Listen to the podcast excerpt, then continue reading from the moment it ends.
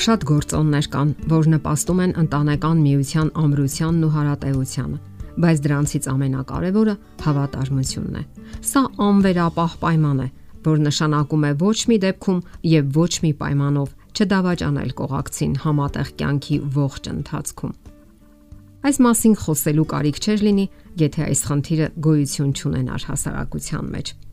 Ժամանակակից մերօրյա մշակույթը պարզապես ներծծված է էրոտիզմով, համարյա չշեշտադրելով ամուսնական հավատարմությունը։ Նույնը վերաբերում է գովազդային աշխարհին, որտեղ համարյա ոչ մի ապրանք չի ներկայացվում առանց էրոտիկ համեմունքի, շահարկելով առավելագույն հաճույքների ձգտելու մարդու բնազդային մեխանիզմը։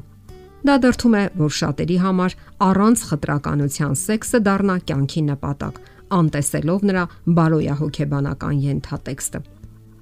Նշանավոր գրող Ալբեր Կամյոն այսպիսի միտք է արտահայտել. Մեր հայրենակիցները երկու կիրք ունեն՝ գաղափարները եւ շնանալը։ Դրանցով նրանք զբաղվում են, այսպես ասած, որտեղ պատահի։ Ամուսնական միաբանության գագաթնակետը սեռական հարաբերությունը շոշափում է մարդու ողջ էությունը Այդ ժամանակ է, որ ամուսինները մեկ մարմին են դառնում նաև ֆիզիկական առումով։ Սեռական ակտի գլխավոր նպատակներից մեկը մեկուսացումից եւ միայնությունից ազատագրվելու մարդու բնական մղումն է։ Այն միմյանց ծառայելու դրսևորում է սիրո եւ վստահության արտահայտություն, որը առավելագույնս նպաստում է կնոջ եւ տղամարդու ամբողջական փոխհմբռնմանը։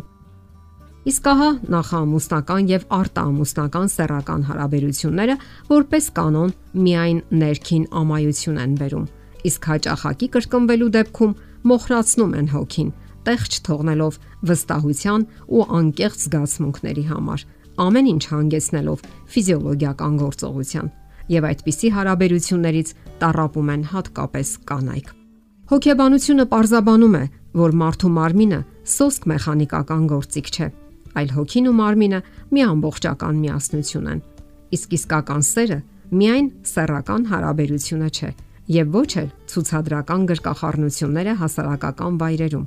Դա նաև անքուն գիշերներն է երեխայի մահճակալի մոտ։ Կեղտոտ ափսեներն են, մաշված կոշիկները, համատեղ պայքարը կենսական խնդիրների լուծման համար եւ հավատարմությունը սեփական ընտրությանը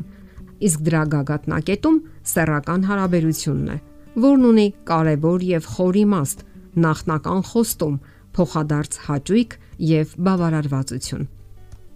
Հավատարմությունը իդեմս մեկ եւ ամփոփող սեռական զուգընկերոջ առաջին եւ միակ նախապայմանն է առողջ բնականon ամուսնական հարաբերությունների համար։ Բազմաթիվ են այն պատճառները, որոնք մարդուն մղում են անհավատարմության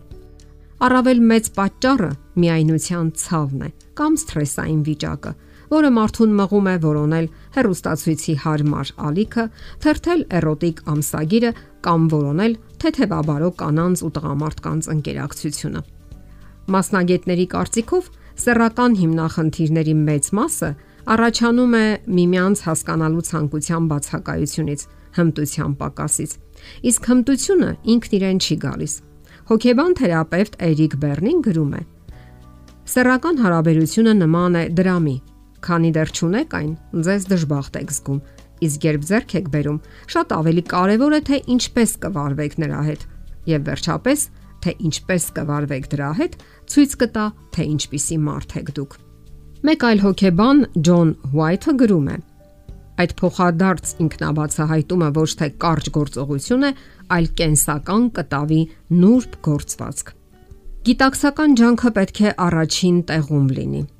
Հաղթահարելու ցանկասիրության փորձությունը եւ սեռական հակումը, որը ճակատամարտի դաշտ է մարդու սրտում։ Սեռական հակումը նման է հզորալիքի, որն ընդունակ է իր ճանապարից սրբելու լավագույն դիտավորություններն անգամ։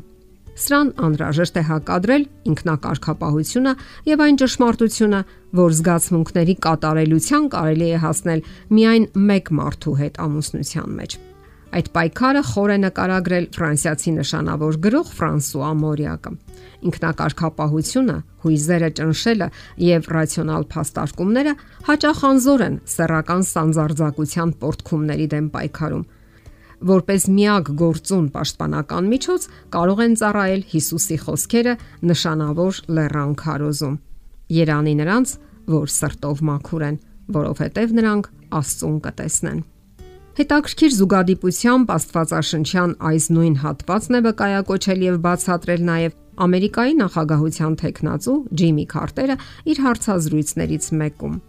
Մեր օրերում շատ տարօրինակ է հնչում այն կարծիքը, որ ցանկասիրությունը, սեռական ցանկությունը, որը մարդու մոտ տեղի է ունենում նույնքան ակամա, որքան թքարտադրությունը, կարող է ինքնին մեղք լինել։ Waller Newell-ը իր առնականության ճգնաժամը գրքում գրում է.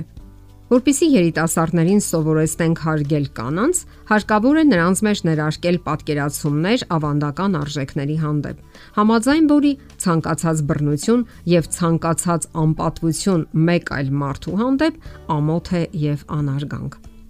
Ամուսնական ուխտը կնքելու ժամանակ ընդունված պարտավորությունները արժանի են վստահության, հարգանքի եւ երկյուղացության։ Դուք չեք կարող վստահել այն մարդուն, ով թեթևամտորեն փոխարինում է ձեզ մեկ այլ անznավորությամբ։ Բայց եթե հոգու խորքում գիտեք, որ ձեր կողակիցը երբեք չի դավաճանի ձեզ,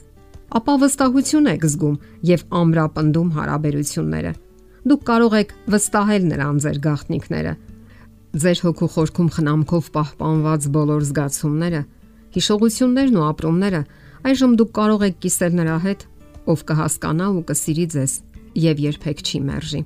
Այս դեպքում այնպիսի վստահություն է առաջանում, որը մեկընդմիշտ միավորում է ձեզ սիրո հանգույցներով։ Հիշենք, որ ամուսնական երթումը սիրո եւ նվիրվածության խոստում է։ Ճիշտ է նկատել Պարսիկ գրող Նադեր Իբրահիմին։ Մարդու սիրտը հյուրանոց չէ, որ գան 2-3 ժամ, 2-3 օր ապրեն ու գնան։ Ոչ էլ ճնճղուկի բույն, որ գառնանը հյուսվի, իսկ աշնանը քամին քշի ու տանի։ Եթերում է ճանապար երկուսով հաղորդաշարը։ Ձեզ հետ է Գեղեցիկ Մարտիրոսյանը։ Հարցերի եւ առաջարկությունների դեպքում զանգահարեք 094 08 2093 հեռախոսահամարով։ Հետևեք մեզ hopmedia.am հասցեով։